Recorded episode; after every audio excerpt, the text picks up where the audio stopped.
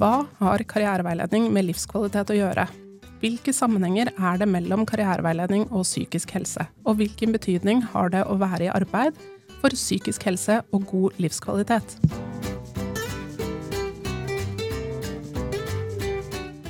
Hei og velkommen til Veilederforumpodden, en podkast fra Direktoratet for høyere utdanning og kompetanse. Mitt navn er Mari Torbjørnsrud, og jeg er en av fagredaktørene for veilederforum.no, et nettsted for deg som veileder om utdanning, jobb og karriere. I dagens episode av Veilederforumpodden skal vi snakke om sammenhengen mellom psykisk helse, livskvalitet og karriereveiledning. Livskvalitet er et tema som stadig blir mer aktualisert både internasjonalt gjennom bl.a. FNs bærekraftsmål og i norsk kontekst. I Norge leder Helse- og omsorgsdepartementet en gruppe som arbeider med en ny nasjonal strategi for livskvalitet. Og her er karriereveiledning representert. I denne episoden skal vi snakke med professor Pete Robertson ved School of Applied Sciences ved Edinburgh Napier University. Han underviser i karriereveiledning i moduler knyttet til teori og politikk.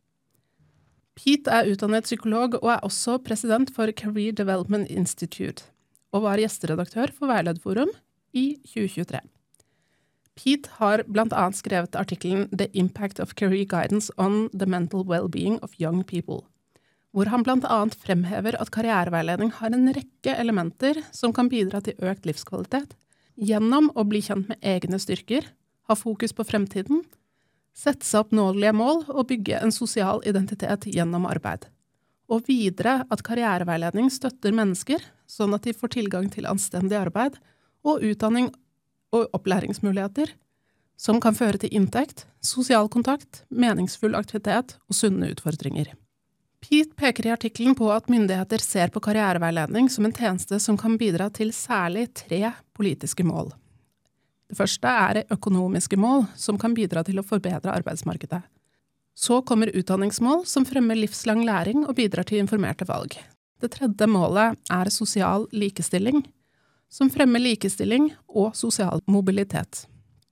Dette beskriver godt hvordan det er vanlig å se på karriereveiledning når det gjelder måloppnåelse, men Pete mener at karriereveiledning også kan spille en rolle når det gjelder å bidra til psykisk helse og trivsel. Og dette er det overordnede temaet i dag. Welcome, Pete. Thank you. It's a great pleasure to be here. Can you start by explaining how unemployment impact on mental health? Sure. Well, this is an area that we know a lot about because there's been research on the relationship between unemployment and mental health for almost 100 years. It dates back to the, 90, the Great Depression of the 1930s, and there was research done in Germany and America at the time, which demonstrated that people were, who were unemployed had worse mental health. So there's there's now overwhelming evidence that there's a strong association between unemployment and poor mental health. now you might say uh, correlation is not the same as causation. Just because the two go together, it doesn't mean unemployment causes poor mental health. But um, to, to an extent, you could argue that if you're unwell, you're less likely to find work. And that's particularly true in a, in a difficult labour market. So, to an extent, poor mental health causes unemployment. But we actually know it works the other way around. We know that unemployment is a big causal factor in poor mental health. And the reason we know that is because people have been tracked through time. So you can see people's mental health getting worse as they lose a job, getting better when they get back into work. So there's very strong evidence that unemployment is a causal factor and a significant one. Um, now, uh, then that, I guess that raises the question. Can you start by explaining how unemployment impact on mental health? Yes, sure. Um, well, we know a lot about this because there's been research for almost 100 years on the relationship between unemployment and health Um, in the Great Depression of the 1930s, there was research done in Germany and America which demonstrated a relationship between being out of work and having worse mental health. And there's now overwhelming evidence that there's an association between unemployment and poor mental health. Now, an association is uh, maybe doesn't prove a cause. Correlation is not necessarily causation. So you might argue that people with mental health conditions are more likely to struggle to find a work, find a job, and that's particularly true in a difficult labour market. Um, nonetheless, we do know for sure that unemployment is a causal factor in poor mental health because of studies tracking people through time. We know that if, when people lose work, their mental health can deteriorate. When they find a job, it can improve. So we can be pretty confident with the, the sheer bulk of evidence we have that there is a causal relationship between unemployment and poor mental health. Now, of course, that then raises the issue of how does that work? How does how does that manifest itself? Um, well, one big issue's got to be money, of course. If if you're not getting a regular pay, regular income, you've got a world of worries. You have anxiety about bills, maybe worried about the security of your housing if you can't pay the rent. Um, and it's more difficult maintaining relationships. You can't exchange gifts. It's harder to attend social events if um, if you're short of money. So money uh, uh, worries can be corrosive to mental health. But there's lots of other other things about work which which are, are relevant. And and if you're unemployed, you lack a structure to your day. Your time is not organized for you. You may lack a sense of purpose.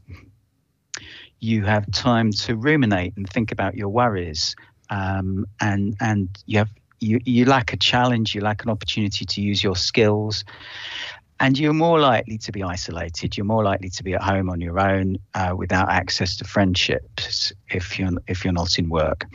So there's there's a number of things that unemployment, a number of toxic features, if you like, that unemployment has. Um, and if you if you meet people when you're unemployed and they ask you, well, what do you do? it's it's a very uncomfortable thing. It's uh, you, you don't have the same sense of a positive identity in social situations. Um, now, there's there's some evidence that that this is more of a problem for men than women, that and and men seem to suffer uh, more greatly from the, the negative effects of unemployment. No, no, no one's for sure knows why this is but we think it might be because men's mental health is, men's identity is much more closely tied up with work, whereas women have other sources for their identity, relational sources, defining themselves as a girlfriend, wife, mother, or, or whatever. So, so women have other sources, positive sources of identity to fall back on if they're unemployed. But that's maybe speculation, that last bit. We certainly know that unemployment is strongly associated with poor mental health. But do you think all work is good work? Well, the, the, the easy answer is to say no. Um, not, not all work is good for your mental health. Um, and we've probably all experienced work as being stressful or toxic on occasions, hopefully not, not for too long. Um, but that said, on on average, work is good for your mental health. Um, now, we, or at least it's better than unemployment. As a species, we didn't evolve to be in formal paid employment, um, it, it, in in a sense. But the way our our society is structured, it means that work tends to give us tends to be the activity that gives us access to the things that nourish our mental health. So, the opposite of all the problems of being unemployed. Work gives you structure to your time, it gives you goals to work for. You have to think about other people's demands. You can't just ruminate on your own worries. You have challenges, chances to use your skill. Crucially, work brings you into contact with other people. So you get social contact, which is, of course, very healthy for us as, as social animals. You have to go out into the world. You may have to run for the bus and get a bit of exercise. So there's lots of healthy features of of work. But unfortunately, jobs are not all created equal. Equally, they're they're not all the same, and and they vary in quality enormously. Um, and some jobs give you adequate pay to lead a lead a dignified life, and some don't, and and some give you enough hours to to live on, and and some don't. Um, and of course, some work environments are quite difficult. They might be physically dangerous, or they might be involve, you know, difficult relationships or bullying, problems with bosses or colleagues. So some work can be a little bit a little bit toxic. Um, some work doesn't feel purposeful in, in, in big organizations. It can feel meaningless sometimes. So it very much depends on the kind of work. Um, and poor quality work is no better for your mental health than unemployment.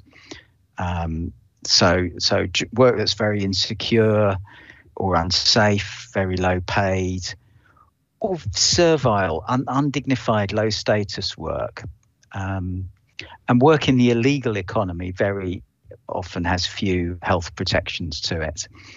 So the growth in the 21st century of, of precarious work has been a problem for the for the kind of quality of experience we get in the workplace. Yeah, because I think there has to be some factors in place for it to be good for your mental health, as you say.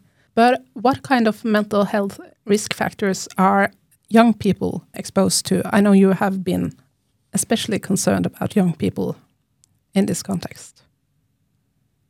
Yeah, for sure. Um, well, the unusual thing about you, young people and health is mo- most health problems get worse as you get older. That we we acquire problems, the, the big families of diseases like heart problems, cancers, musculoskeletal problems, back problems. They tend to be late onset, um, and that's true of most health conditions. But mental health is different because it occurs very often for the first time in teenage years or early adulthood.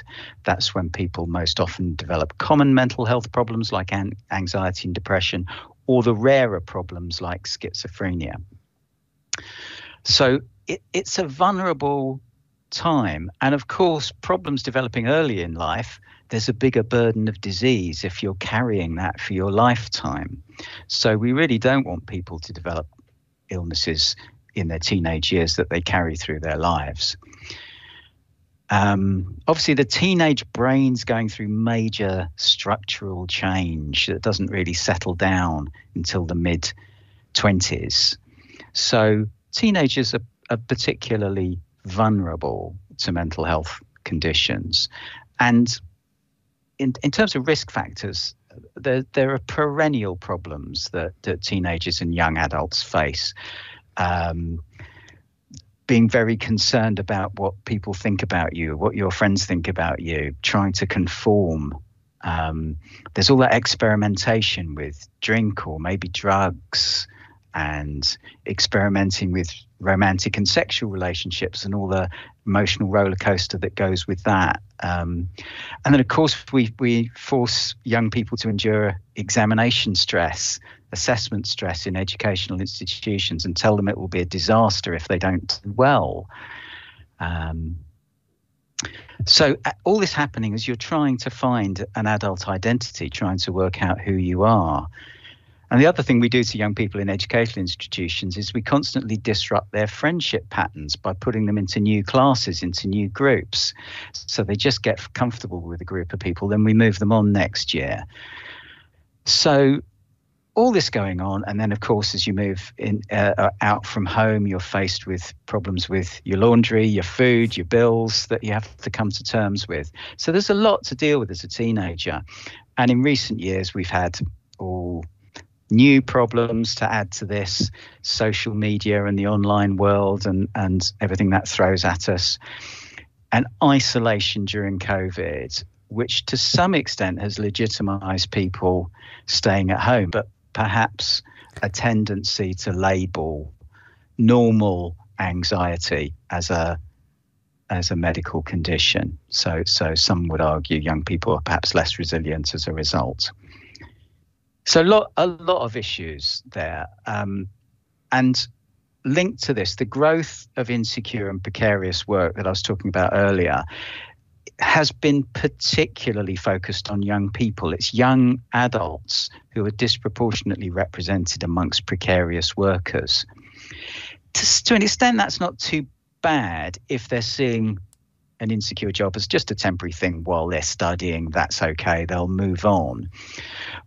But it does leave young people as vulnerable, um, especially if they're not students, especially in difficult labour market. So during the banking crisis around about 2010, and during the COVID crisis 10 years later, young people were expendable in the labour market. They were the, the first that employers got rid of um, because of the, the kinds of contracts they were on. So that left them vulnerable um, to the problems of, of unemployment. You have pointed out that these challenges uh, young people face can lead to both economic scarring and health scarring. But can you elaborate some on uh, what you mean by that? Sure. Well, there's there's strong evidence that that if you're un, unemployed as a as a young person for a significant period of time, that can have a detrimental impact on your prospects in the labour market going forward into adulthood. So that means you're you're, you're likely to have lower wages. You're likely to have job insecurity or experience an intermittent working pattern. That's much more likely if you're unemployed uh, in youth. It's called scarring because it means you know a bad experience has a has an enduring effect. So so that that economic effect can last well into adulthood. Now, particular interest to me, there's there's some evidence also that periods of unemployment in youth are associated with worse mental health. Now, this comes from longitudinal studies following people through over many years, some of some of it done in Scandinavia and Sweden particularly. And uh, periods of unemployment can be associated with worse mental health decades later into mid adulthood and associated with poorer health behaviors like smoking as well. Now, that all sounds a bit bleak, but the good news is that I'm talking about extended periods of unemployment, six months or more. Most youth unemployment is fortunately quite brief, it's transitional. It, it gaps between doing things, between working and studying. And transitional brief periods of unemployment do not seem to have a scarring effect. So, so fortunately, this is the minority of young people who experience those kind of problems. That's good, at least. Do the same uh, issues apply to older adults? Yeah, well, obviously, older adults don't have a teenage brain to live with, but they do have other issues. So, in mid adulthood, you can find yourself looking after elderly parents and children at the same time. You can simultaneously find yourself dealing with debt, mortgages, paying for your housing. So there can be quite considerable pressures on people in mid adulthood. And as we get older, we do tend to accumulate more health conditions. So, you know, we, we, we're more likely to get cancer or health problems or, or things as we get older. And there's a complex reciprocal relationship between physical health and mental health. People with mental health conditions tend not to look after themselves so well. If you're stressed, you want to comfort eat or have a drink or, or use drugs to comfort yourself and maybe not exercise. So, and, and chronic stress can affect the immune system as well. So there's there's a complex relationship, but mental health tends to be associated with physical health problems. And obviously, if you're ill, then you've got more more things to worry about as well. So complex relationship we don't fully understand, but the two tend physical and mental health tend to go together. Now, something we've seen in recent years. It's been occasionally been labelled as the Great Resignation. That in the UK and USA, we've seen lot of older adults withdrawing from the workforce in large enough numbers for it to present a, a problem at a population level, a problem for the economy, and and older workers are some of the people with the biggest skill sets withdrawing from the economy. It's a problem. And people have been speculating as to why this is. One of the main reasons does seem to be health reasons and mental health, particularly. Also, people withdrawing to avoid stressful situations at work or to avoid exposure to COVID. Um, some of the reasons might be positive ones. It might be to look after grandchildren or because their pen, pension and financial situations are quite good. They don't feel a need to work. Um, but certainly it's it does represent a challenge uh, at a national level to the the skill levels and size of the workforce. I think I think the thing with older workers is is our health and our finances change as we get older, and we might need to rethink our relationship with work a little bit. And if we don't do that, we can get into an unsustainable situation. If we're in work that's that's the, a job that was okay for us in our 30s might make us unwell in our 60s. So we we might need to rethink our work relationship because it might become unsustainable. That's that's one reason some folk in the UK have experimented with having what's called mid mid career reviews. So meeting with a careers advisor perhaps in your late 50s to see what your relationship with work is like and see what could put it on a more sustainable footing going forward. That sounds like a wise way forward. You have said a lot about different uh, things that can affect people's mental health, but how does uh, socio-economic background affect mental health outcomes? Okay, so so this is absolutely central to understanding the problem. There, there's a gradient in the relationship between health and wealth. So the rich tend to be healthier and the poor less healthy. This is true across every country in the world. It's worse in very unequal countries like, for example, United States. The gradient is steep between the rich and the poor there. It's less steep in countries with less inequality. So countries with less inequality and strong social protection. So the Scandinavian family of nations tend to have less dramatic inequalities in wealth, and that translates into less inequalities in health.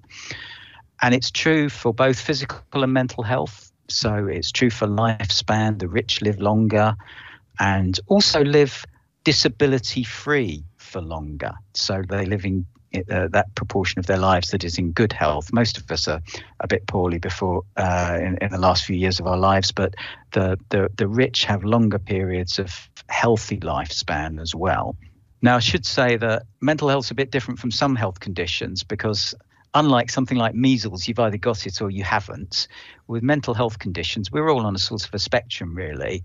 We, we all get um, anxious or upset at times but you can measure the uh, how many symptoms people have, how severe those symptoms are, how frequent they are. So there is a gradient in the number of symptoms you have, and the the rich do better than the poor, and the poor are also more likely to have multi-morbidity to get uh, more than one health problem at a time. Now, what in terms of what that means well well we rightly worry about the health for example of university students that, that that's fair enough and and there are a lot of pressures when you're studying but we should be equally concerned with people who don't go to university because they tend to come from less wealthy families and they tend to be more exposed to the financial pressures the, and, and anxieties associated with that. So we should provide at least the same level of support to people going down less academic and vocational routes as well. So the poor are more at risk of unemployment and the anxieties of low income. Uh, and that maybe suggests where we should target some of our resources to support people uh, with mental health vulnerabilities. Yeah, because the problems are inherited. You have stated that career development is a public health issue. Can you elaborate on what you mean by that? I guess I guess health is is not just the business of doctors. The big determinants of health are in other other areas. It's it's housing, it's diet, it's air quality and water quality and having a good good sewage system. These these kind of things determine our health perhaps rather more than doctors and our health services do. But it's also in the social and economic world. We spend a huge proportion of our lives at work, and our access to dignity at work, to a positive identity in society, having enough money to live uh, a dignified and satisfactory life. The, these things all feed into our health. And career development helps us to access these things. In those areas where health inequality is most dramatic and health outcomes are poorest, are cities that have faced post industrial decline, uh, dramatic post industrial decline, and not found alternative economic routes for people to, to convert to. Those are the areas that have some of the worst health outcomes. So there's a big connection between health and industry. And career development can help to put us on a pathway to, towards a sustainable socio-economic situation. Um, so I see it as a public health intervention, especially if career education and guidance is delivered at a population level if it if it reaches out to everybody. Um, now, at a population level, even very tiny things can shift the health of the nation. So, career development may not have as big an impact as having clean water does on health, but I would argue that it it does make a difference. And part of that difference is is associated with our ability to mitigate the effects of unemployment. So, timely career development can, first of all, it can prevent unemployment in the first place. Once unemployment has happened, it can shorten the duration of it, reducing its toxic effects on mental health. And if somebody is continuing to be unemployed, we can mitigate some of those psychological effects by giving people access maybe to classes, to learning, or to volunteering. So, I think we should see career development as a public health intervention and talk to policymakers and funding bodies in those in that language. Yeah. What kind of difference can career guidance make in the short term? Yeah, okay. Well, I think careers advisors will recognize that that it's not that unusual for for for the people who use their services, their clients, to be suffering from anxiety or depression. Um, it's the, the common cold of, of mental health, if you like, uh, feeling pessimistic or feeling worried about the future is is not an unusual state to be in when you're encountering a careers advisor, and we can help with that, but we don't help by fixing the symptoms. We're, we, we're not um, providing a cure for those symptoms directly, but what we do do is boost people's positive mental well-being. Um, and a number of things I think that careers development professionals routinely do can help with this. And the first thing we do is we get people to recognize their strengths. We get them to to even do simple things like writing a CV or a resume. Um, we can give people feedback as we do that with them. Look, that's a fantastic skill. Look at these amazing contacts you've got. Look at that great qualification. We can we can help people to recognize those strengths and build on them as well. So a strength-based approach helps people feel a bit better. Now we we get people to focus future and we inject some hope we, we suggest to them that there are possibilities for them. So it gives them something to look forward to, gives them a sense that there is a way forward for them by getting them to have that conversation about the future rather than ruminating on the past. And I guess we offer people choices. So, so in a way, we give people a sense of agency by saying, yeah, you could cho- you can choose between these options. You can make this happen you can, if you do this, it will make a difference in your life. Um, so, a sense of agency. I was speaking earlier about a sense of identity too. Um, if you're if you're unemployed, you can't say who you are very easily. And we can help people move from that to saying, well, no, I'm not unemployed, I'm a job seeker, or I'm a student, or I'm doing something positive. So we can help people to build a social identity by defining themselves as a learner or as a worker. So that helps with that that identity problem. And of course, we're connecting people. Careers advisors routinely connect people with other people. We put them in touch with someone who can help. We make a new contact for them. We encourage them to use their existing networks or to engage in networking to build new contacts. So we're we're getting them to build and deploy social capital. And all of those things are good for people's mental health. Now, I mean, let's not be naive. One conversation with a careers advisor is not necessarily going to have a, a, a, lasting, enduring impact on your mental health, but it might last long enough for you to do something positive with your life. So I think there are some, you know, good short-term impacts. Yeah, indeed. But what difference can career guidance make in the medium to long term? Well, hopefully, we get people access to work or to courses in education. We get them fixed up with something to do. So, work and, and to an extent, study gives you access to those psychosocial factors that enrich or nourish your mental health. So, all the things I was talking about earlier structure to your time, goals to work for, chance to use your skills. Work will give you access to money, maybe study not so much, but all, and social contact, of course. So, all the positive things you can get from engaging in work and learning are things that you can access through a careers advisor. So the enduring benefits to mental health come from that engagement in society. Now, ideally, you know, as careers advisors, we'll be looking at not just a short term fix, not just taking any job, irrespective of its quality. We'll be encouraging people to find decent work, work that puts them on a pathway towards a sustainable lifestyle ideally work that's aligned with their values is going to be more positive for their for their lifetime experience so helping people to select pathways that are more likely to be enduring is some a benefit that I think career guidance can offer above and beyond some other kinds of helping. So that's really, I think, the where where the most substantive benefits can can be delivered.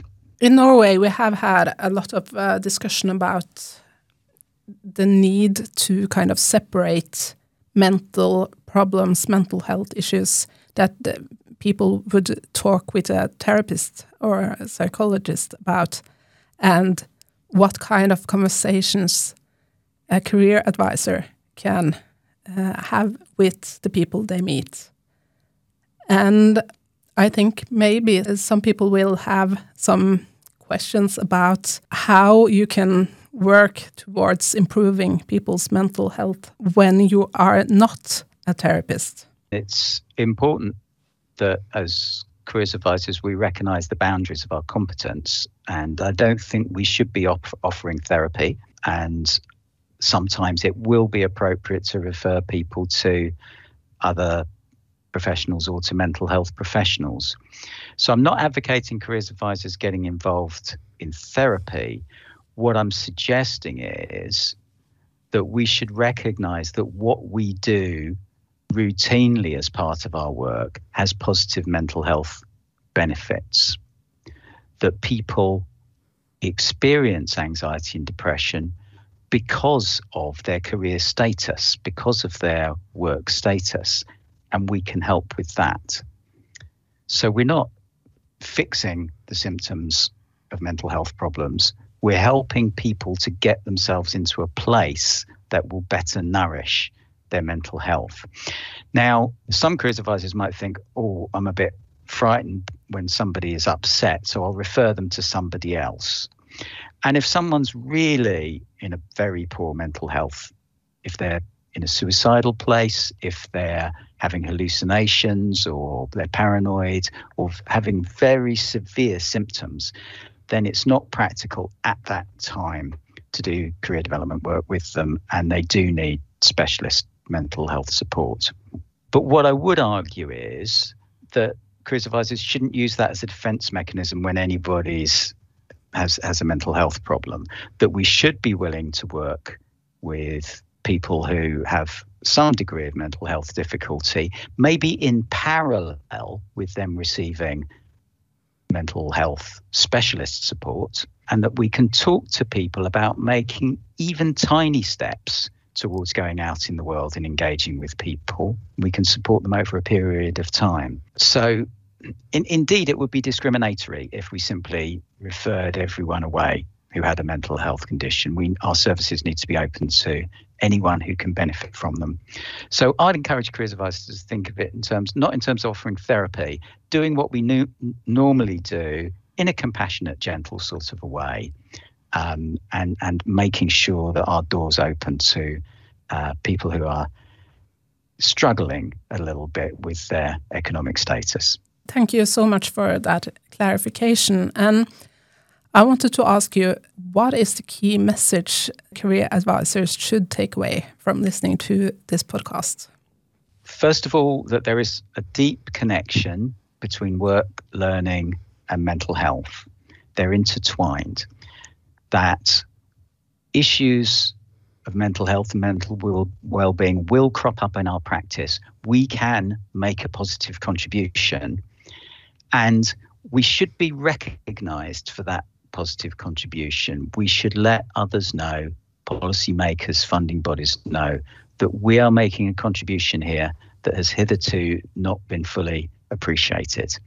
So that that is, in a nutshell, is what I want people to take away. Thank you so much for uh, taking time to join me on this uh, podcast. Thank you for having me. It's been a pleasure.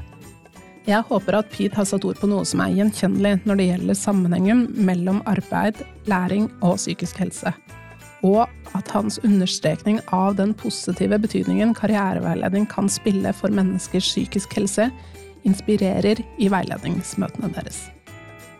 Takk for at du hørte på denne episoden av Veilederforumpodden.